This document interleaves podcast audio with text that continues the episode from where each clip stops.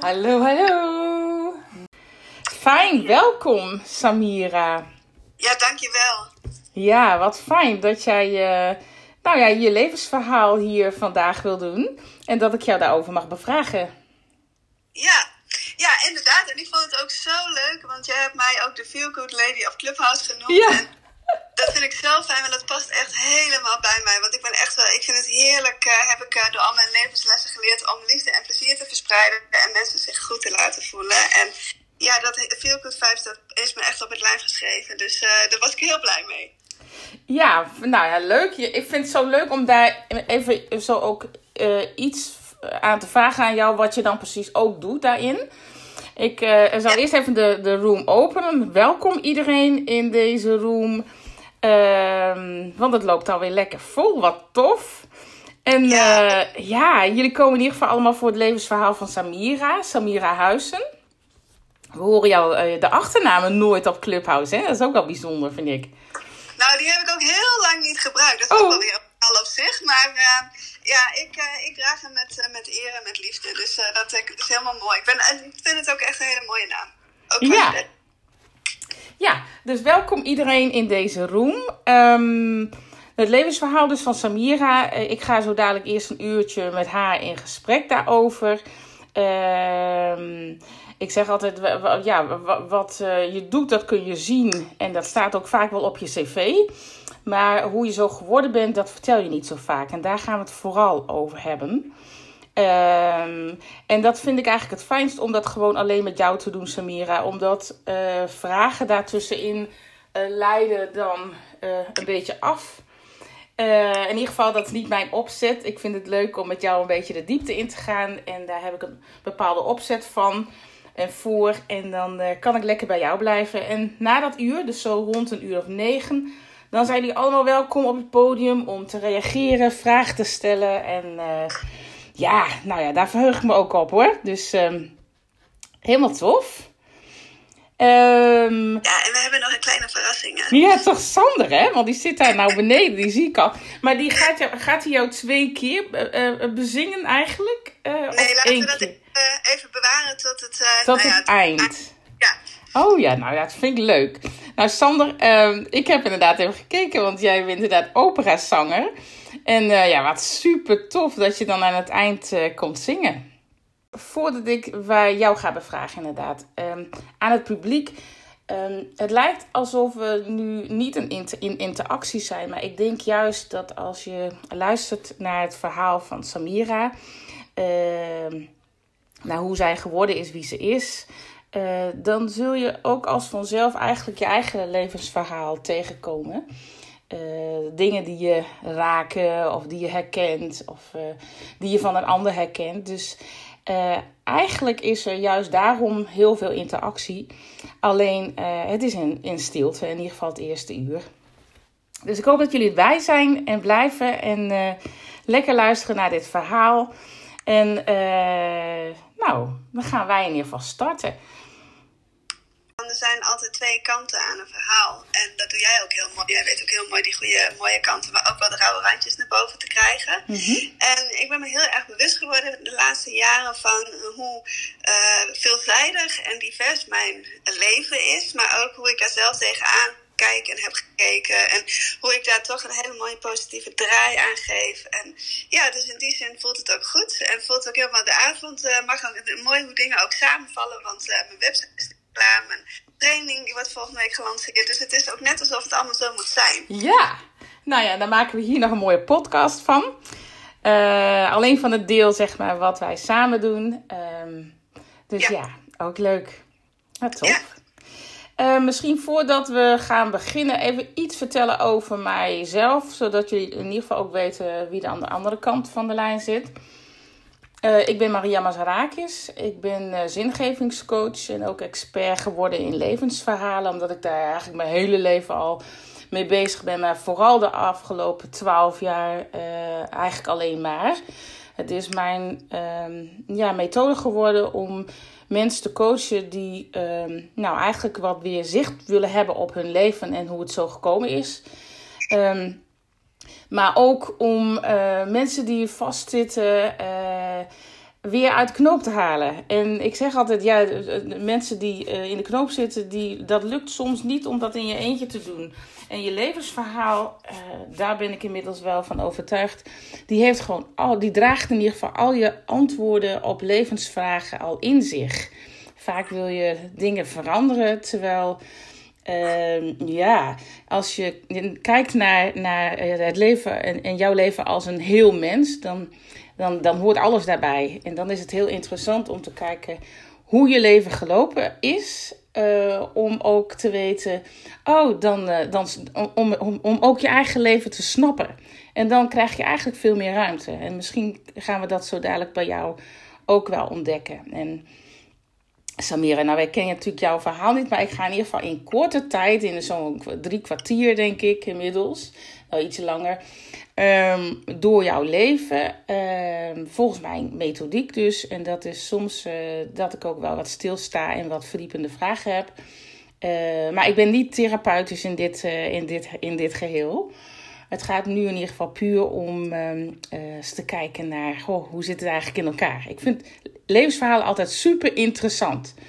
En, uh, en sommige mensen zeggen wel eens van, goh, ik heb een zwaar leven.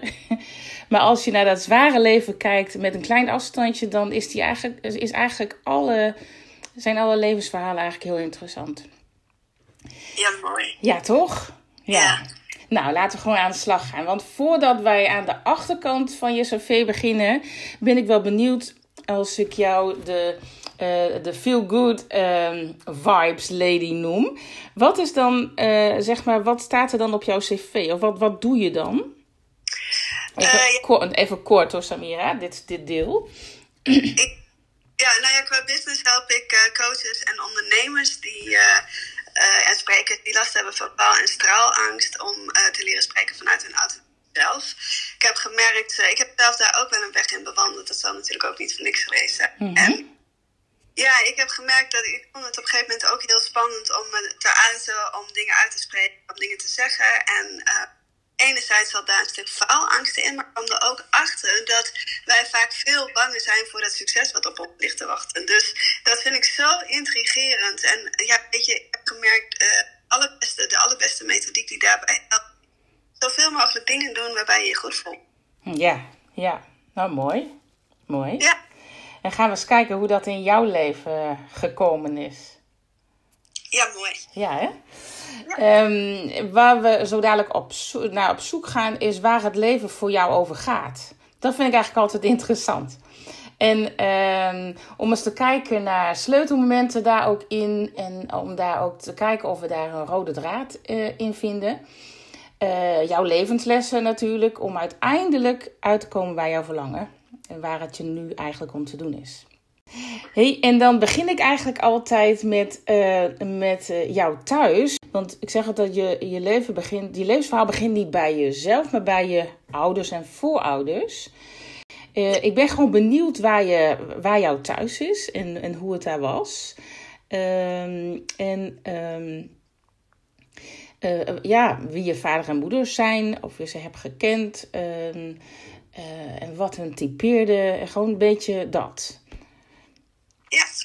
Kun je daar starten? Dan, ga ik, dan vlieg ik wel weer in. Ja, dat goed. Ja, nou ja, dat is altijd wel hoe begint het levensverhaal. Mijn uh, verhaal is begonnen in India, daar ben ik geboren. Mm -hmm. um, daar heb ik al best wel een hoop meegemaakt. Heel veel verslepen omdat ik, uh, ja, ik was uh, eigenlijk vrij snel afgestaan. En na een maand werd ik ziek. Uh, of ik ben afgestaan naar een weeshuis en na een maand werd ik ziek. Toen was ik in levensgevaar en toen moest ik naar een klooster om aan te sterven. Oh, dat gaat en... heel snel. Dat gaat echt als een vliegensdingetje. Vertel eens iets langzamer. Je bent geboren en je bent afgestaan. Hoe, hoe oud was je toen? Ja, dat weet ik niet precies. Maar toen ik afgestaan ben, dat was al voordat ik een maand oud was. Oké. Okay. Dus eigenlijk heb je, heb je, je je ouders helemaal niet gekend? Nee, mijn biologische ouders niet. Mhm. Nee. Oké. Okay. En daar werd je al, al, al, vrij snel ziek. Vertel eens verder, want het ging zo snel, iets langzamer. Ja, maar wel een bekend verhaal. Dus ik ja. kan me voorstellen dat het er heel snel uitkomt. Want mm -hmm. ik heb mhm. het heel vaak verteld. Mm -hmm. Ja, um, nou ja, ik uh, was afgestaan. Ik ging naar een weeshuis toe. En in dat weeshuis ben ik heel erg ziek geworden. Uh, ik had, uh, sowieso was ik zwaar verwaarloosd. Ik had uitdrogingsverschijnselen. Ik had longklachten. Um, nou ja, ik, ik, ik reageerde nergens op. Ik functioneerde niet.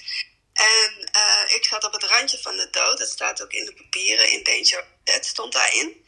En zo ziek als ik was, ben ik naar een klooster gebracht. Daar heb ik tien maanden gezeten om aan te sterken. Ja.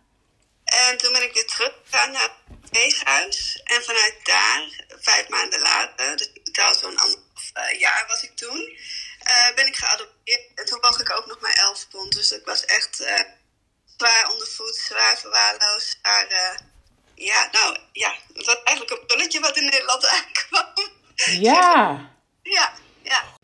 Hey, en en uh, hebben jouw ouders je afgestaan omdat ze je niet konden... Weet je daar iets van eigenlijk?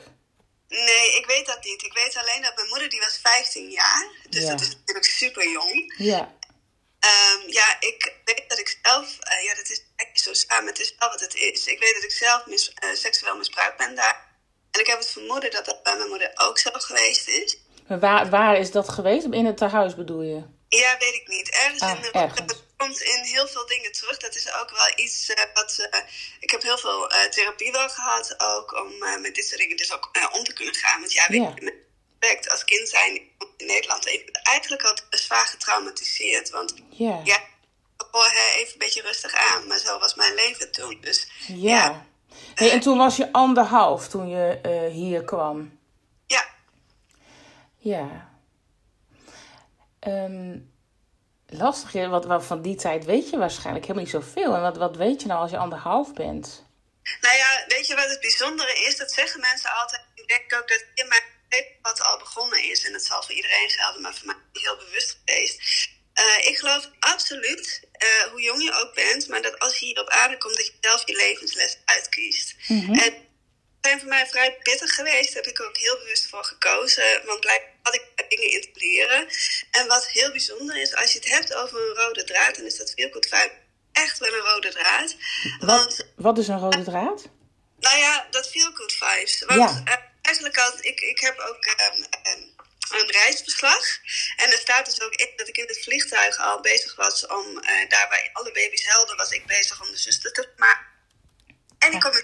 Prima vermaken, want ik was gewoon met een stukje papier bezig. Ik was niet tot last, ik was gewoon aan het entertainen. En uh, ja, dus uh, ze hadden een heerlijke vlucht met mij. En ik zie dat ook op heel veel foto's terug. Dat ik okay. uh, heel aan het onderzoeken was hoe het met die mensen om mij heen ging. Dus ja, dat, dat goed voelen van mezelf en van die anderen, dat is altijd wel heel belangrijk geweest. Mm -hmm. hey, en vertel eens iets over jouw, de, de, jouw adoptieouders.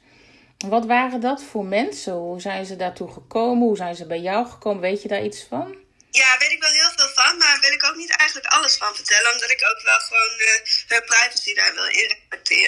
Maar ik weet dat zij uh, heel bewust hiervoor gekozen hebben. Uh, ik had ook een oudere zus en um, zij was twee jaar eerder naar Nederland gekomen. En um, eigenlijk was ik nog niet gepland, om het maar even zo te zeggen. Maar mijn zus was er al en toen werden zij gebeld van, goh, hè, um, we hebben nog een kindje, kan die bij jullie geplaatst worden? En toen hebben mijn ouders geen moment geaarzeld en direct ja gezegd.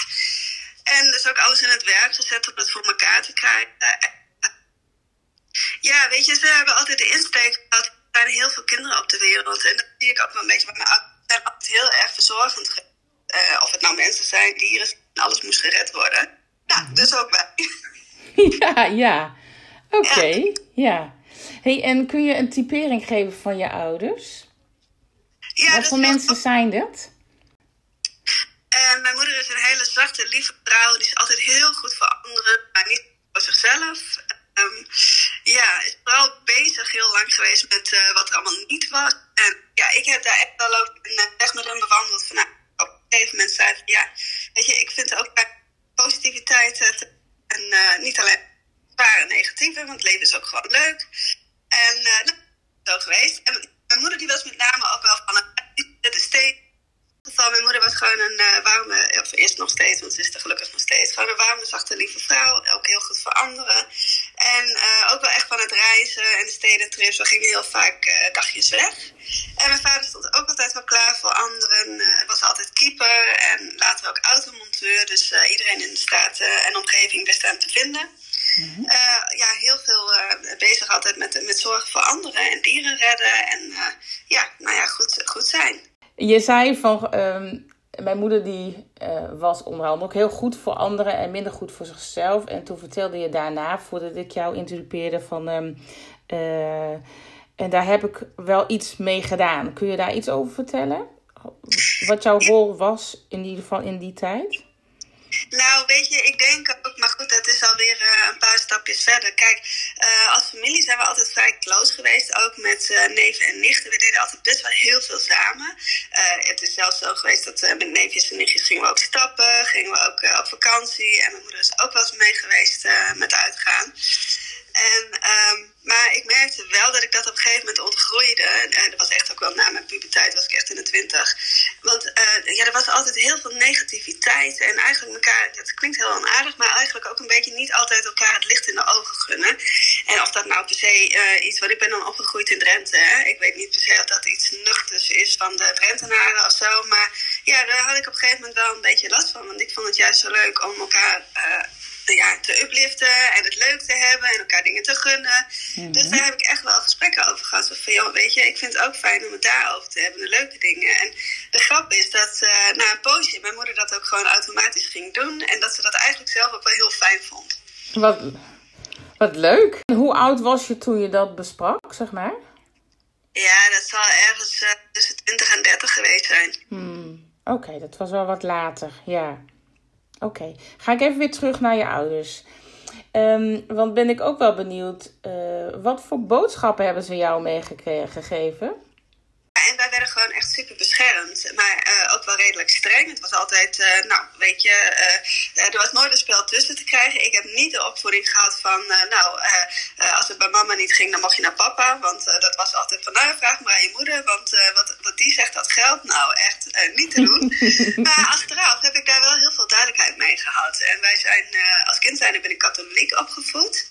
En dat heeft me ook altijd wel houvast gegeven. Ik vond het toen ook altijd wel fijn. Op een gegeven moment, uh, ja, toen ik echt puber was, toen, uh, toen ging ik ook. Uh, ja, hoe moet ik dat zeggen? Toen voelde ik al wel van ja, nou ja, dat heb ik eigenlijk altijd al gehad. Van um, ja, ik voel natuurlijk heel veel dingen aan. Ik heb een, een natuurlijk lijntje. Misschien heeft het ook te maken met het feit dat ik toen uh, als baby zijnde al bijna dood geweest ben. Uh, dat ik wel voelde dat er meer was en, en dat die connectie, dat die maak ik ook heel makkelijk. Dus um, ja, toen begon ik me daar wat van los te koppelen. En uh, ja, het was bij ons wel een beetje die dingen van doe maar gewoon, dan doe je al gek genoeg. En ja, vooral wat ik veel te horen heb gekregen van praat daar maar niet over. Dus heel veel dingen mocht ik ook niet zeggen.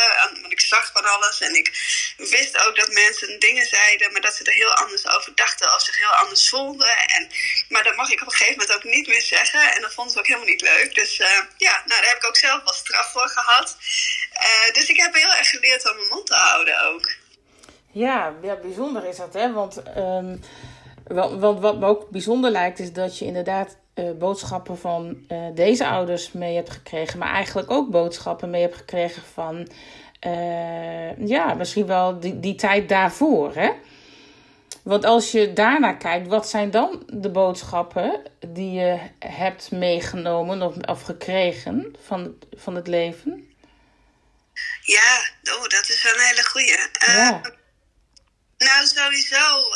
ja, er zitten wat en waarde in. Ik ben in 2007, uh, ben ik, en heb je het over sleutelmomenten altijd, maar dit is er ook bij. In 2007 ben ik voor het eerst terug geweest naar India zelf, omdat ik wilde weten, uh, ik wilde niet echt per se op zoek, want dat vond ik allemaal een beetje te spannend, maar ik wilde wel weten waar ik vandaan kwam, hoe de mensen waren, hoe de energie was, hoe de cultuur was. En ja, daar heb ik echt heel veel van mezelf teruggezien. Dus hoe, hoe oud was je toen, Samira?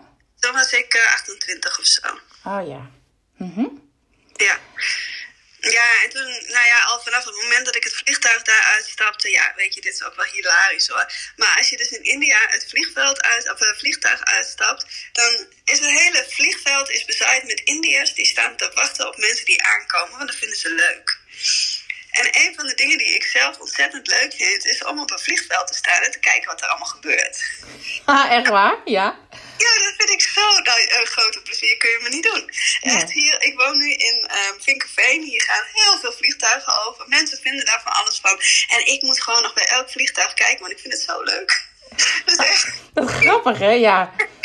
ja. Heel bijzonder. Ja, nou ja, weet je, en, en handgebaren, maniertjes, um, um, het bescheiden, het onderdanige, dat is echt wel Indisch. En dat zit ook in mij. En daar heb ik soms ook wel eens last van, want ik kan te verlegen zijn. Dat zou je niet verwachten. Uh, want zo'n spra spraakwater van ik misschien. Maar, nou, niet direct. Nee, niet direct. nee, dat snap ik ook. Maar dat heb ik echt ook wel een beetje door Clubhouse geleerd, moet ik zeggen. Hoor. Dus wat dat betreft heeft dat ook heel veel goed gedaan voor mij. Ja. Hey, en als jij terugkijkt um, of probeert te gaan naar de, nou ja, de, de, de, je eerste anderhalf jaar, zeg maar. Um, wat, en, en je komst naar hier. Heb je van, van die eerste anderhalf jaar ook niet boodschappen meegekregen? Um, en welke zijn dat dan? Ja, dan wil ik bijna vragen, waar denk je dan aan? Want uh, vind ik een lastige. Ik, ik weet Uh... Nou, die lijken me best interessant. Want je wordt afgestaan bijvoorbeeld uh, door je ouders. verwaarlozing heeft best wel effect. Weet je, dat soort dingen kunnen echt. Nou ja, ik ben gewoon benieuwd. Hè? Ik hoef je niet dingen aan te praten. Maar het is meer dat ik denk: goh, het zijn best interessante dingen. Als je van afstandje kijkt, hè, zonder daar diep zo op. Dan, dan zijn dat best interessante dingen om eens te kijken: van goh, wat heeft me dat gedaan? Want ook die feel good vibes, weet je. Uh, naast dat je al, al zo in, de, in het vliegtuig zat, misschien komen ze ook wel, wel voort uit van, goh, ja, weet ik niet, weet je. Ik kan het allemaal in gaan dat ga ik niet doen. Maar ik kan me wel voorstellen dat, dat uh, ook die periode uh, dingen bij je heeft losgemaakt. Of dingen heeft vastgezet, misschien zelfs wel. Ja, ik, waardoor je bent zoals je bent. En, ja. Ja. ja, nu begint het ook bij mij wel een beetje te stromen. Want ik heb natuurlijk wel Um, ik denk dat wel dat we ervan uit kunnen gaan dat ik ben afgestaan vanwege armoede. Dat is ook wel een heel lange, hele grote angst voor mij geweest. Mm -hmm. Dat is er eentje, maar uh, ja, dat, dat dingen niet zomaar vanzelf komen. Dat je moet ja, nou, dankbaar zijn, is ook een beetje dubbele lading. Ja, maar dat soort dingen, weet je wel. Dat, ja. Ik kan me heel goed voorstellen dat dat daaruit voortkomt ook hoor. Ja, het is een beetje dubbel, want er werd ook altijd gelijk gezegd tegen ons, en ik praat echt over ruim 40 jaar terug uit, dus toen werd er gezegd, oh nou echt, een van de eerste dingen die wij altijd te horen kregen waren, oh nou, jij zult wel heel dankbaar zijn. Ja. Niet van, hoe is het met jou, of hoe voelt dat, of vind je het hier, of wat doet dat met jou? Nee, nou, jij zal wel heel dankbaar zijn. Mijn zus en ik, die ja. zaten altijd heel dankbaar te wezen. En ja. nou heb ik daar ook best wel een poos een, een, een aversie tegen gehad. En ik dacht, ja, weet je, als puber zijn Weet je, als kind zijn was ik ook gewoon heel stil en rustig. En, en moest ik alles nog bewerken, denk ik. En alles op me in laten werken. En ja, uh, kreeg ik ook heel veel liefde en geborgenheid. Dus, uh, dus ja, ik, ik, was, ik, ik denk dat ik al lang blij was. Maar als puber zijnde, toen dan ga je in een keer wat je zegt. Dan ga je dingen op een rijtje zetten. Ga je dingen natuurlijk uitzoeken. Dan komt je eigen identiteit een stukje naar boven. Nou, als er iets is wat ik niet geleerd heb, uh, is hoe hechting werkt. Dus ja, daar heb ik natuurlijk best wel... Um, ja, nou, daar heb ik nog niet eens het. Want wat best wel invloed heeft gehad op hoe ik tegen de wereld aankeek, hoe ik tegen mensen aankeek. Maar ook dat ik altijd gedacht heb van ja, als ik die ander nu gewoon, als ik zorg dat het met die ander goed gaat, ben ik veilig. Dat is wel een hele uh, eentje geweest die ik heel lang meegedragen heb. Ja, precies. Ja. En dat snap ik heel goed als je zo jouw verhaal hoort. Hè? Of het nou waar dat nou precies vandaan komt, dat maakt dan misschien niet zo uit. Maar ik snap het wel. Ja.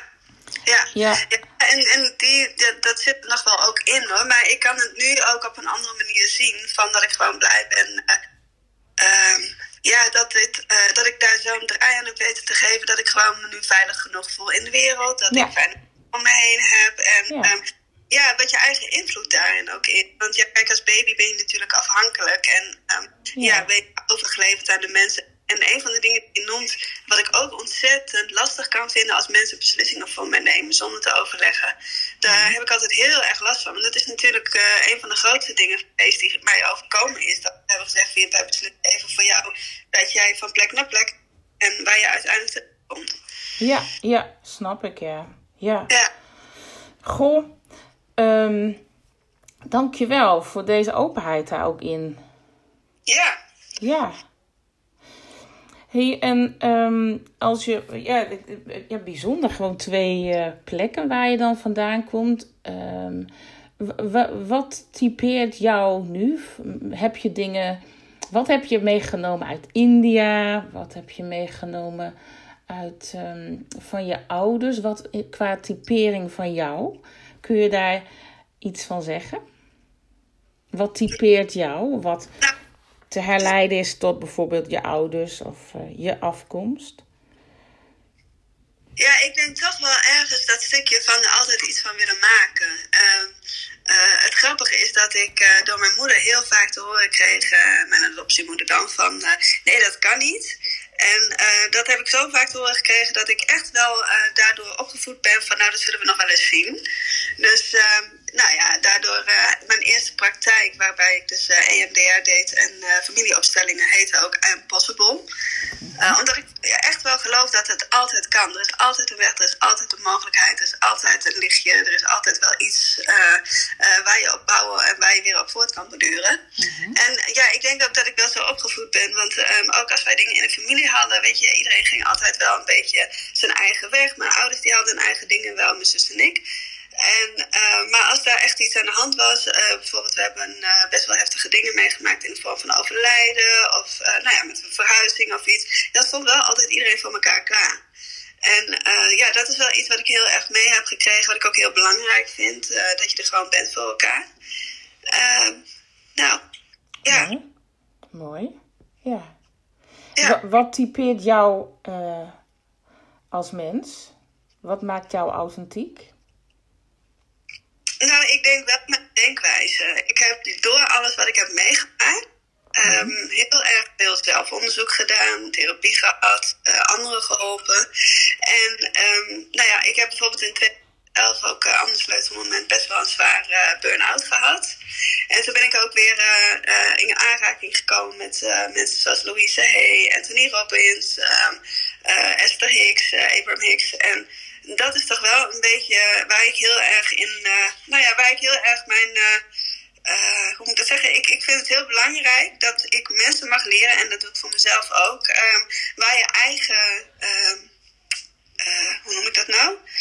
Nou, waar je eigen invloed ligt. Weet je, mhm. we denken altijd dat we die buitenwereld ons van alles aandoet, dat we daar afhankelijk van zijn, dat we daar uh, niks tegen kunnen doen. En als die ander maar dit of die ander maar dat. Maar als je in staat bent uh, om te kijken naar waarom iets is gebeurd en of dat misschien een afspiegeling is van iets wat nog stiekem in jou leeft. En je kan er zo naar kijken en je kan dat aankijken.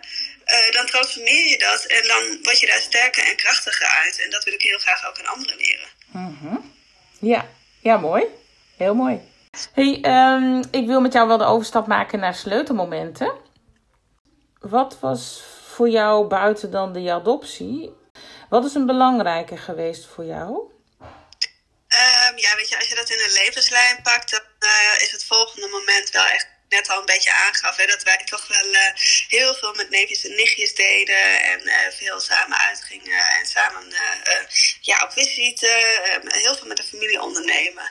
Want wij waren ook allemaal een beetje dezelfde leeftijd en ik zat overal trouwens net tussenin, want ehm, de kleintjes die waren net jonger als ik en de grotere die waren net een slagje ouder. Mm -hmm. En ja, dat was ook altijd wel leuk, want met name mijn zus en ik, die waren echt wel degene die vaak ook de dingen organiseerden en de uitjes planden en ja, dat was ook altijd erg leuk. En uh, wij deden ook altijd echt wel heel veel. Ook wel met de ooms en tantes, uh, familiedagen, uh, vakanties. ja, dat heb ik echt wel een hele tijd gehad. En um, ik merkte op een gegeven moment ook dat ik dat een beetje begon te ontgroeien. En toen ben ik meer mijn eigen weg gegaan. Toen kwam ik in een soort verlaten, zeg maar, studententijd terecht. Ik heb echt nog een poosje in een studentenhuis gewoond. En het was een soort oude herberg waar je dus allemaal wel een eigen kamer, een eigen bullen had. Maar lichamelijke ruimtes. En ja, daar heb ik een hele... Hoe oud was je toen? Ja, toen was ik ook al in de 20, 24 of zo, 20, 22, 24, zoiets. Mm -hmm. Toen, uh, toen studeerde ik nog maatschappelijk werk. En toen uh, heb ik echt wel een beetje mijn puberteit ingehaald. Uh, echt gewoon heel grappig, want we gingen toen echt met z'n allen belletje drukken. Ook samen studeren, film kijken, barbecuen, zwembadjes opzetten. Nou, echt ook stappen en zo. Dus echt gewoon daar uh, flink wat tijd in kunnen halen. Omdat ik, ja, ik denk ook best wel vastgezeten heb een po poosje. Omdat ik heel erg, wat ik net al zei, zoekende was van ja, wat is daar eigenlijk allemaal gebeurd in het begin van mijn leven. Mm -hmm. En um, ja, niet dat het nou zo heel erg. Uh, ja, ik, weet, ik denk dat ik daar wel een beetje mezelf kwijt geweest ben, maar dat het ook wel even goed was om eens even goed bij mezelf stil te staan. En daarna... Want, want um, ja, um, ik haal even stop. Ja. um, uh, ik ben wel benieuwd, uh, want je vertelde inderdaad al eerder uh, hè, dat dan, dan kom je in Nederland en dan heb je ook de, je Indiase roots, met ook dat je meer ziet dan, dan, dan ieder, misschien wel anderen. Uh, ja. En dat je daar ook een beetje op afgestraft werd. Hoe, hoe was dat eigenlijk voor jou? Ja, dat was dus inderdaad wel die periode daarvoor. Dat zat ook een beetje in dezelfde periode wat ik het net over had. Dat, ik vond het wel heel lastig, want ik mocht dus nergens over praten. Maar ik zag wel van alles, ik voelde ook van alles. En um, ja, uh, uh, ik voelde me helemaal heel vaak niet niet thuis op bepaalde plekken. Omdat ja, ik moest dan me anders voordoen om maar niet dat uh, te delen of dat uh, te uiten, want dat mocht niet. En uh, ja, dat vond ik wel eens heel ingewikkeld. En ehm, ja, ik, ik denk dat ik toen heel veel in mezelf gekeerd heb. Ik heb altijd één geluk gehad. Ik heb altijd heel veel gelezen. Dus ik kon altijd heel makkelijk mezelf verdwijnen in boeken. En nou ja, goed, muziek was wel een uitlaatklep van mij. En zo denk ik dat, en dansen. Dus zo denk ik dat ik heel veel ook uh, opgevangen heb. Ik ben ook best heel veel ziek geweest. En ik denk achteraf dat dat ook periodes zijn geweest dat ik even uit kon tunen. Even gewoon uh, niet meer hoefde te voldoen aan dat plaatje. En wat iedereen van mij verwachtte. Maar gewoon maar even ja, ziek moest zijn. Zodat ik even tot mezelf kon komen. Ja, ja, dat kan heel goed, ja. Ja, het is altijd interessant om daar, daar ook naar te kijken. ja, ja, ja. ja. Nou, ik heb ook zeker zo'n functie. Ja. Maar goed, nou, weet je, um, ja, in die periode is dat heel lastig geweest. Ik heb dat op een gegeven moment heb ik ook geleerd hoe ik daarmee omga. Want als ik dat gewoon wegstopte en gewoon uh, met, uh, met het plaatje, dan uh, ging het allemaal goed. Mm -hmm. En um, ja, dat is ook best wel aardig goed gegaan. En op een gegeven moment, nou ja, de laatste ja, in 2011 heb ik een behoorlijke burn-out gehad. En toen kwam alles wel weer boven. En toen heb ik dat niet meer weggestopt. Mm -hmm. hey, want wat deed je op, op dat moment met burn-out? Um, ik kom uit Groningen. En mijn moeder die, die woont nog steeds in Drenthe. Dus uh, ik ben heel vaak in Drenthe geweest. En het lijkt wel een, wel een beetje op Groningen. Dus uh, ik ken het goed. Weet je wat het is? Um ja, ik denk dat, nou, wat ik al zei, een beetje het idee van het vliegveld. Ik hou ervan als het bruist, als het leeft, als de dingen te doen zijn, als er mensen zijn, als er reuring is. Dat vind ik leuk. En dan heb je in Drenthe gewoon veel minder. Ja, dat klopt. Het is veel, is veel, uh, veel rustiger. Ja. Ja. Ja. ja. Geprobeerd en ik heb het echt uh, ook echt, want op een gegeven moment is het een heel ander uitstapje. Maar ik heb in, uh, ik, ik, kom dan oorspronkelijk, ben ik opgegroeid in Emmen en heb ik ook heel veel nog gedaan voor de gemeente en voor projecten daar, qua flexwerkplekken voor ondernemers. Ik heb heel veel dingen uitgebouwd en op een gegeven moment, ja, dus toen met die miskraam dacht ik van ja, weet je, maar ik ben nu nog steeds het spoor van een ander aan het lopen, omdat andere mensen vinden dat ik dit goed kan. En nu wil ik gewoon mijn spoor lopen en die loopt gewoon in Vinkenveen in dit geval. Ja, daar, daar hoorde in ieder geval ook een verhuizing bij, daadwerkelijk. Gewoon naar een andere plek zelfs. Ja, ja, mooi. Ja. mooi. Hey, en binnen die tien jaar, um, wat, zijn, wat is een ander sleutelmoment daarin? Ja, uh, hoe ik in het leven sta en hoe ik tegen dingen aankijk. En dat uh, verschilt echt wel met heel veel mensen, omdat ik echt wel geloof in dat stukje um, uh, autonomiteit en ook wel authenticiteit. Maar ook, um, weet je, zoals een Louise Hay, die zegt dan bijvoorbeeld van um, je kunt je leven helen, dat elke ziekte die, die we uiten of die er ontstaat, dat dat ook een, een afspiegeling is, is van iets wat in onze gedachtegoed leeft. En uh, ja, ik heb daar ook wel heel veel mensen mee geholpen, ook uh, toen ik nog in Drenthe woonde en met uh, verschillende therapieën daarin. En ik heb dat ook teruggezien, dat dat echt zo werkt. En uh, ik weet ook wel dat mensen dat soms nog om daar goed de vinger op te krijgen. Hey, en, werkt, heb... en werkt dat bij jou ook zo, Samira? Ja. Heb je, heb je daar, kun, kun je jezelf ook genezen eigenlijk? Ja, denk ik wel. Ik kan wel, nou, ik heb het wel nodig om het Ik blijf ook een mens heb ook groeien aan ontwikkelen. En je zult mij ook niet gauw horen zeggen dat ik expert ben of iets. Want ik geloof dat ik nog steeds aan het leren ben. En uh, uh, nog steeds uh, probeer om meer en meer mijn authentieke zelf te zijn. Mhm. Maar um, wat ik wel weet, ik, ik kan wel heel snel dingen, ja, ik noem dat omflippen. Omdat ik, als ik weet hoe het werkt of hoe het zit, ja, weet je, dan valt de lading eraf. Mhm. Ja, dat, dat klopt. Dat, dat is, dat, als je uiteindelijk daar bewustzijn op hebt, dan heb je ook knopjes die je aan en uit kunt zetten. Of in ieder geval zo en, en dat je weet waar het vandaan komt. Dan krijgen, krijgen dingen veel meer ruimte. Toch? Ja, ja weet je, dan is het mij ook klaar. En het is heel grappig, want ik heb daar ook met mensen, ook mensen die in de rond. Ik heb wel eens ook gesprekken gehad en dan ben ik er klaar mee. En dan heeft de ander nog zoiets van, ja, maar wacht even, want um, uh, het is nog niet af of zo. Terwijl voor mij is het gewoon helder. En dat is ook wel echt iets dat ik denk, gewoon door alles wat ik heb meegemaakt, heb ik dat juist ook geleerd. Dat je ook uh, gewoon zoveel meer mag genieten van alles. En dat er ook zoveel moois is. En dat het gewoon zo zonde is om al die aandacht en energie te steken in al die dingetjes, ja, wat net niet helemaal lekker loopt of zo. Mhm. Omdat um, ja, het is ook wel waar ik in geloof, is wat je aandacht geeft, groeit. Mhm. Maar ook, um, ja, weet je, ik word veel meer blij van de leuke dingen, want ik heb al zoveel shit meegemaakt. Dat snap ik. Welke therapie of welk boek heeft jou daarin het, het, het, uh, het meest gebracht? Of wat was het, het, uh, het meest betekenisvol voor jou? Ja, weet je, dat klinkt wel. Nou ja, weet je, ik wil daar een kanttekening bij maken. Dat ik denk dat uiteindelijk alles mij hier gebracht heeft waar ik nu ben. Mm uh, maar waarvan ik, wat ik, waar ik zelf ontdek is dingen die heel functioneel zijn. Zoals bijvoorbeeld EMDR. Um, ja, dat is een vrij korte, kan ook vrij heftig zijn, maar vrij korte methode om uh, ja, echt wel oude pijnen op te lossen. En die gewoon effectief is. Uh, familieopstellingen is een andere. Dat is ook een vorm uh, waarbij je echt wel energetisch aan de slag gaat. En dan kan ik natuurlijk ook prima mijn achtergrond gebruiken daarin. En dat zijn wel de dingen waar ik ontzettend van hou. En ehm, ja. ja, ja en, en die hebben jou zelf ook gewoon waarschijnlijk veel gebracht. Ja, ja absoluut. ja. Ja, want ook met familieopstellingen kun je natuurlijk ook uh, verder terug dan je nog weet. Ook van je, van je, van je ouders. Uh, ja. ja. Ja, Heb je dat ook gedaan? Ja, zeker. En het mooie vind ik dan eigenlijk ook wel dat ik heel bewust dit leven gekozen heb om van beide generaties ook uh, dingen op te mogen ruimen. Mm -hmm. Ja.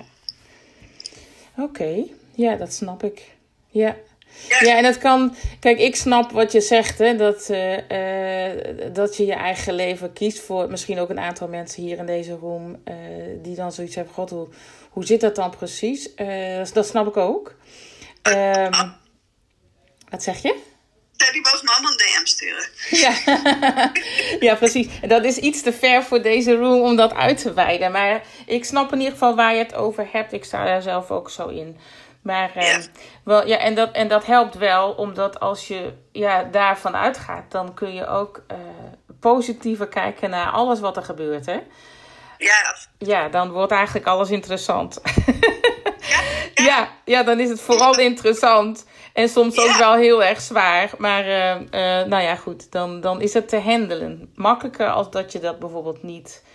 Ehm, ja, dat, als je daar geen. als je dat niet gelooft, zeg maar. Hey, ik, ik wil even nog, want we zitten al bijna dan aan 9 uur. Um, ik ben benieuwd. Heb jij een rode draad zo in jouw leven die je zo weet? Wat is jouw rode draad?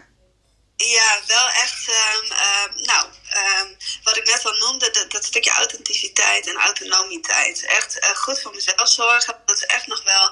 Ja, weet je, uh, verwaarlozing uh, is zo mijn eerste natuur. Dus dat moet ik echt wel oppassen, want het ligt heel snel op de loer. Mm-hmm. Maar de autonomiteit werkt daar heel goed in. Dus ik kan heel goed voor mezelf zorgen. En ik vind het ook echt heel fijn om lief voor mezelf te zijn. en, en maar voor mij zeg je nu twee dingen. Je zegt enerzijds van. Um, uh, verwaarlozing, uh, ja, daar stap ik makkelijk in. Klopt dat? Heb ik dat goed gehoord of niet? Ja, weet je, en dat, komt, dat is gewoon zo'n patroon wat je dan hebt. Ah, en, en op het moment dat je dus uh, druk bent of veel te doen hebt, dan, ja, weet je, dan schiet snel te slapen of het eten, dingen erbij in. En dan weet ik weer van, oh wacht, nu moet ik even bewust heel erg goed voor mezelf gaan zorgen. -hmm. Ja, ja. Nou, en het heeft ook een, een speciale betekenis, denk ik, in, jou, in jouw leven als je terugkijkt. Ja. ja. Nou ja, daar, daarom ben ik me denk ik, ben, ben ik daar denk ik ook meer bewust van dan uh, ja, de meeste mensen misschien. Maar ik herken het ook wel bij heel veel mensen hoor, moet ik eerlijk zeggen. Absoluut, dat is ook absoluut zo hoor. Ja. Ja. ja. Hey, um, als jij een levensadvies mee zou mogen geven, of levensadviezen hè, aan, uh, aan zeg kinderen van een jaar of tien of zo. Wat zouden dan de levensadviezen zijn die jij aan hen meegeeft? Oh, heb je even? Nee, sorry.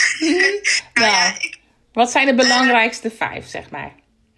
Nou ja, dat je overal altijd een les uit kan leren. Als je overal ziet dat ja, iedereen die op je pad, pad komt, is eigenlijk een soort blessing in disguise. En uh, mensen onthouden nooit wat je zegt, maar wel hoe je ze laat voelen. Um, alles valt en staat met het verhaal wat je jezelf vertelt. En um, ja, nou ja, voor mezelf vind ik het het allerfijnste. Hoe je mij introduceerde, uh, zou ik het heel fijn vinden als mensen mij onthouden ook als de Feel Good Vibes Lady. En dan is de cirkel eigenlijk weer rond. Ja, en, maar, maar, en wat is dan het levensadvies van daaruit uh, aan een kind van tien? Nou ja, dat, uh, ja dat mensen voornamelijk onthouden hoe je ze laat voelen. Want daar zijn kinderen ook heel goed in. Die horen ook niet wat de ouders zeggen, maar die, horen, die, die zien ook wat ze doen. En uh, hoe ze zich voelen. Dus dat vind ik wel een hele belangrijke graadmeter. Maar zeg je dan uh, vertrouwen op je gevoel? Ja, absoluut. Ja. Mm -hmm. En als je dan zegt de feel, feel good vibes, uh, wat is dan wat je hun meegeeft? Nou, ik denk dat wij vaak diep van binnen heel goed weten wat goed is voor ons of wat wij willen. Maar dat we door allerlei dingen daaromheen daar toch niet altijd voor kiezen. En uh, ja, goed, daar, kom je tegen, daar loop je tegen bepaalde dingen aan die niet nodig geweest. Dus wat je dan eigenlijk zegt is van goh, kies voor de dingen die je, die je leuk vindt. Uh... Ja, nou leren ook vooral heel goed uh, voelen bij jezelf. Want dat voelen vinden we allemaal ook wel heel erg spannend. Terwijl daar zit zoveel informatie in die je echt kan helpen. En waardoor je veel sneller... Uh, bedoel, laten we eerlijk zijn. Er zijn heel veel mensen of overgewicht of dingen die tegen dingen aanlopen. Nou, uh, uh, ik, ik maak net al een soort uh, stapje daarin. Maar dus, ik, er zijn heel veel mensen die kampen met zelfmoordklachten of, of eenzaam zijn, dat soort dingen. En ik denk van ja, maar iedereen loopt ook zo hard voor een ander te rennen zonder te voelen wat hij zelf nodig heeft. En als we daar naar terugkeren en echt voelen vanuit onszelf van hé, hey, wat heb ik nu nodig? Wat leeft er in mij? Um, en uh, hoe geef ik daar gehoor aan? En bij wie trek ik aan de bel? Ja, ik denk wel dat je dan uh, ook zelf beter tot je recht komt. Nou, het is ook praten vanuit eigen ervaring, denk ik, vanuit jou. want je hebt het zelf meegemaakt. Hey, um, wat is nog meer een laatste levensadvies die je meegeeft aan een kind van tien? Ja, ik, ik blijf uitkomen bij dat leuke dingen doen. Wat, leuke dingen doen. Leuke dingen doen, ja. Ja. Ja, dat snap ik. Ja. Want ook kinderen van tien, die hebben zorgen op hun schouders. Dat je denkt van jongens, daar, heb je, daar ben je nog de leeftijd voor. Mhm. Maar uh, vooral dat mogen genieten en plezier maken. En vanuit daar uh, ja, weet je, ik bedoel, dat, dat, uh, dat is ook wel gewoon bewezen. Dat vanuit dat gevoel, weet je, het is een beetje het idee, ja, dat is voor een kind van tien dan weer anders. Maar het gevoel van als je verliefd bent, dan kijk je ook heel anders tegen dingen aan. Maar dan ben je veel meer ook uh, echt gewoon uh, wie je zelf bent, vanuit je pure essentie. En ja, dan is er ook vaak veel meer mogelijk. Kinderen hebben ook echt nog dat magische denken. Ja, dat klopt. En het is mooi dat ze dat ook, ook mogen houden. Hè? Ja, precies. Ja. Dat is. Ja. ja. Nou, wat ik altijd wel mooi vind, is dat als je de levensadviezen een beetje van jezelf op een rij zet. En dat geldt dan ook voor de mensen die nu in de room zitten. Uh, het is altijd wel gemakkelijker om levensadviezen die je meegeeft aan kinderen. Vooral aan kinderen, dus niet aan volwassenen, maar aan kinderen. Om als je die op een rijtje zet, dan geef je eigenlijk, dan zet je ook op een rij uh, wat, wat, het, wat de rode draad is uh, uit jouw leven. Dus eigenlijk ook wat jouw levensthema's uh, zijn of zijn geweest. En vaak neem je ze je hele leven mee. Dus als je dit zo allemaal zeg, op een rijtje zet, Samira, dan zijn dat eigenlijk ook jouw levensthema's waar je aan hebt gewerkt of waar je nog, die je nog steeds tegenkomt. Klopt dat ook voor jou? Ja, absoluut. Ja. Hey, en welke daaruit uh, uh, is, is voor jou nog het meest aanwezig? Voor jouzelf? Welk advies geef je jezelf van deze nog het vaakst? Ehm, nou, wel toch, alles valt en staat met het verhaal wat je jezelf vertelt. Mm en, wat zeg je, en wat zeg je daar dan precies mee? Nou ja, in, in, kijk, we zijn allemaal mensen, we maken allemaal dingen mee. Alleen hoe je daar tegenaan kijkt en hoe je daarmee omgaat, uh, dat bepaalt hoe je daarin voelt. Ja. En ja, daar heb je een keuze in. Ik bedoel, je kan niet altijd kiezen voor wat je overkomt. Tot zeker hoogte vind ik ook weer van wel, maar dat zal voor hier te ver voeren. Mhm. Maar uh, ja, weet je, daarin kun je wel kiezen hoe je daarmee uh, mee omgaat. Het is vaak niet de wereld die zo is, maar hoe jij naar de wereld kijkt. En dat maakt voor jou de wereld. Dus dat maakt het ook makkelijker om uh, ernaar te kijken en te denken van, oh, met welke bril kijk ik dan nu naar die wereld?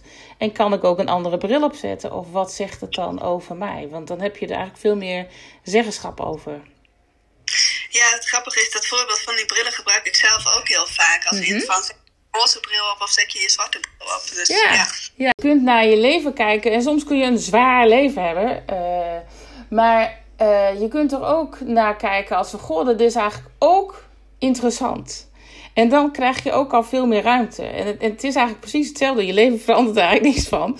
Maar behalve dan dat het je veel meer ruimte, rust en vrijheid en veel meer zicht geeft op de dingen die je aan het doen bent. Als, als je hem als interessant uh, ernaar kunt kijken als, uh, in, in, plaats van als zwaar. En, uh, en dan, dan, dan heb je het eigenlijk ook wat, wat, jij, wat jij ook zegt. Hè? Het is maar net welke bril je opzet. Ja, exact. Ja, ja. ja. ja en daar zitten er toch wel ook heel veel mooie pareltjes in. En heb ik toch wel meegemaakt en mogen zien en mogen ontdekken en ervaren. Dus ja. Ja, te gek. hey, um, een laatste vraag aan jou. Oh, je wat... staat weer uit. Oh, ja. ja, je ziet wel dat ik wat zeg, want ik, ik ben dat echt niet gewend. Nou ja. Hey, wat is jouw uh, verlangen? Dat is de laatste vraag aan jou. Wat is jouw verlangen nog? Ja, dat is ook wel weer zoiets. Dat was heel grappig afgelopen week. Uh, nee, dat was vorige week alweer. Um, ik zit even te denken hoor. Ja, um, ik, zat, uh, ik, ik, moet even kijken hoe ik dat nou precies ga vertellen. Want ik zat, uh, er was vorige week ook een room en daar was ik uh, met mensen. En daar werd ook gesproken over, nou, wat wil je laten worden? En um, nou, dat je altijd, maar als kind zijnde al wat je gevraagd naar je carrière en welke kant je op wil en weet ik veel wat. En ik heb dat nooit zo gehad. Maar ik merkte dat toen ook wel, maar goed, dat, ik wil niet een hele nieuwe bus opentrekken hoor. Maar wat, wat mij toen inviel is dat ik dacht ja, weet je, wat ik het allerliefste wil en wat mijn allergrootste verlangen is om gewoon mijn eigen gezin te hebben. Ja, ja, ja. Heb je dat nu ook of nog niet? Nog niet zoals ik hem zou willen, maar ik, uh, ik, ik uh, blijf okay. positief vol. en hoe ziet, hij er, hoe ziet hij er dan uit, Samira? Um, ja, gewoon. Het maakt niet zo heel veel uit hoe gemêleerd dat is of, of in welke samenstelling, maar wel um, ja, waar ik me thuis voel en waar, waar het veilig is. En eigenlijk al die dingen die ik uh, zelf heb mogen ontvangen, uh, dat ik die door mag geven. Ja, ja, mooi. Ja. Nou, als je het uh, in de wereld zet, dan wie weet hè, wat er allemaal uitkomt. Ja, zie hoe spannend ik dat vond om het uit te spreken. Ja, hè? Dat dacht ik al, ja ja. Maar dat is ook wel iets wat ik geleerd heb om even goed bij mezelf te voelen van wil ik dit delen? En het voelt wel dat ik dit wil delen. En inderdaad, je zet er daarmee de wereld in. En dat is echt wel mijn wens. Ja, het is nou in ieder geval de wereld in. Ik heb wel uh, zelf ook in mijn leven wel ervaren dat uh, uh, sommige dingen zo spannend zijn dat je denkt, oh god, ik hou het lekker bij me. Maar zodra je het de wereld in gooit, gewoon de lucht in, dan kan het ehm, verbinding maken ja. Met, ja, met wat dan ook. Dat is ook wel echt iets wat ik geleerd heb. Want ik kan ook echt wel manifesteren als de beste. En, en juist door het wel uit te spreken zijn er heel veel dingen heel mooi gelukt. Ja. Hey, dankjewel voor dit gesprek, Samira. Ja, dankjewel weer wederom voor jouw fijne manier. Want ik heb natuurlijk ook vaker horen spreken. Maar ja, ik vond het toch... Oh, ik ben nu zelf degene en ik vond het toch heel fijn. Ja? ja. ja. Ja, hey, wat, wat is er eigenlijk fijn? Wat vind jij fijn om, om uh, hieraan, zeg maar? Nou ja, in die zin heb ik natuurlijk best wel een verhaal. En uh, ik ben daar ook open over, maar ik ben ook altijd wel heel bewust van uh, dat ik dingen wil activeren die niet meer relevant zijn voor mij. Maar jij weet dat heel mooi aan te vliegen en daar heel mooi de, de cadeautjes uit te pakken. En daar, dat is ook precies waar ik zelf van hou, dus dat voelt goed. Ja, mooi, mooi. Ik had even moeite met mijn microfoontje, want anders was ik er denk ik wel vaker tussenin geweest. Maar, uh, maar goed, het is uh, goed gegaan. En ik, uh, ja, ik vind het echt, je hebt een heel boeiend en interessant levensverhaal. Ik zou er eigenlijk veel meer over kunnen vragen, maar um, ja. we hebben gewoon een uurtje en dat is ook mooi. Dus ik heb je al in ieder geval veel van je gehoord, dank je wel. En ook voor jouw openheid in, in, daarin. Ja, heel graag gedaan. En jij ook dank, uh, dank voor de uitnodiging. Ja. Hey, zullen we dan voor nu Sander op het podium uh, vragen? Ja. Want dan ja. gaat Sander voor je zingen. Ik ben echt heel benieuwd. Sander. Yes.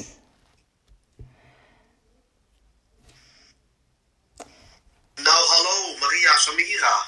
Ja, hallo, hallo dan. Wat Welkom. Een, uh, dank je, dank je. Wat een uh, bijzonder mooi verhaal, uh, Samira. Ik heb geboeid zitten luisteren. En ik, de zenuwen gieren ineens door mijn keel. Echt? ik voelde het al van, oh, nu komt jouw moment. ja, dat, dat, dat, ja, goed. Kijk, ik, ik heel, heel kort. Um, ik, ik, probeer dan iets, iets te bedenken van, hè, wat ik je vanochtend ook zei, van ik ga gewoon goed luisteren en ga misschien tussendoor nog um, wijzigen. Maar ik, ik ken je nu een tijdje via Clubhouse en we hebben een aantal mooie gesprekken gehad. En om maar gelijk de brug te leggen naar wat ik voor je ga zingen. Uh, wat ik nogmaals een hele grote eer vind. Um, vier weken geleden heb jij uh, mij iets, heb jij iets verteld aan de hand uh, van, van de kaarten. En ik heb al mijn moed en al mijn lef bij elkaar gezocht om te doen wat ik moest doen. Namelijk kiezen voor mezelf. En dat bracht me gelijk eigenlijk naar het nummer wat ik jaren geleden in het theater hoorde van Karin Bloemen. Begeleid op uh, piano uh, door Cor Bakker. En dat nummer heet Lef. En vergeef me als het misschien niet zozeer aansluit op jouw verhaal, maar um, daar moet ik altijd aan denken als ik elke woensdagochtend bij jou in de room ben. Um, ja, dat, dat, dat heb je voor elkaar gekregen. En ik, ik vond het op dit moment uh, ja, geen mooiere gelegenheid om je daarvoor te bedanken. Dus ik hoop dat mijn zenuwen de baas kan. en dat mijn apparatuur het blijft doen, want het is hier bloedje heet op mijn uh, studiekamer. Maar ik hoop dat het uh, helemaal, helemaal, helemaal goed gaat komen. Ik hoop ja. dat je Nou, benieuwd. Jij dan, Samira? Ja. Ja, heel mooi. Heel mooi. Je raakt me ook met wat je vertelt. Dus het wordt alleen maar mooier nu. En, uh, alle... Ik hoop dat de balans goed is. Uh, ja. En anders beginnen we gewoon nog een keer opnieuw. Ja, tuurlijk. Neem gewoon je ja, tijd, Sander. En jij kan dit ook, dat weten we allebei wel. Dankjewel. Lef van Karin Bloem. Geniet, Sander.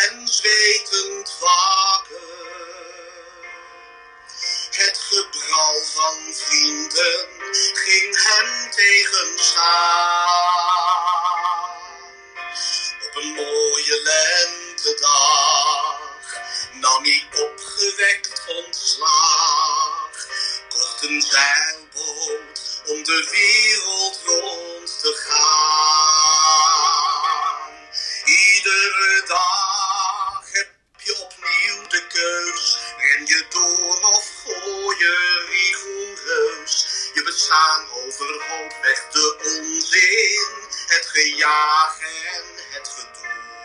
Heb je het lef, dan is het nooit te laat om te beseffen dat het zo niet gaat.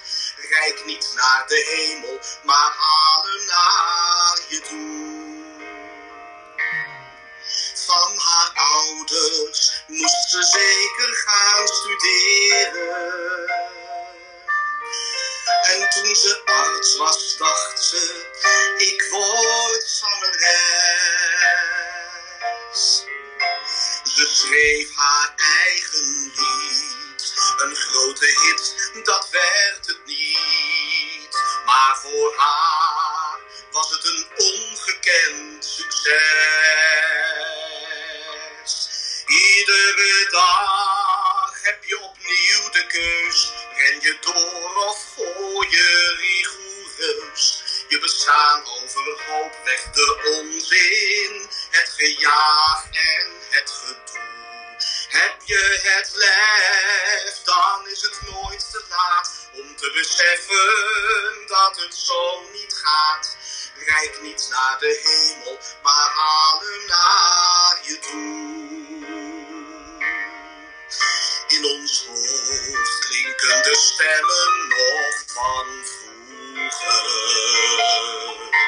Geef niet op, je kunt het wel als je je best maar doet. Dan maar doodsbang om te falen, maar die top die zul je halen. Tot je niet meer weet waar je het zoeken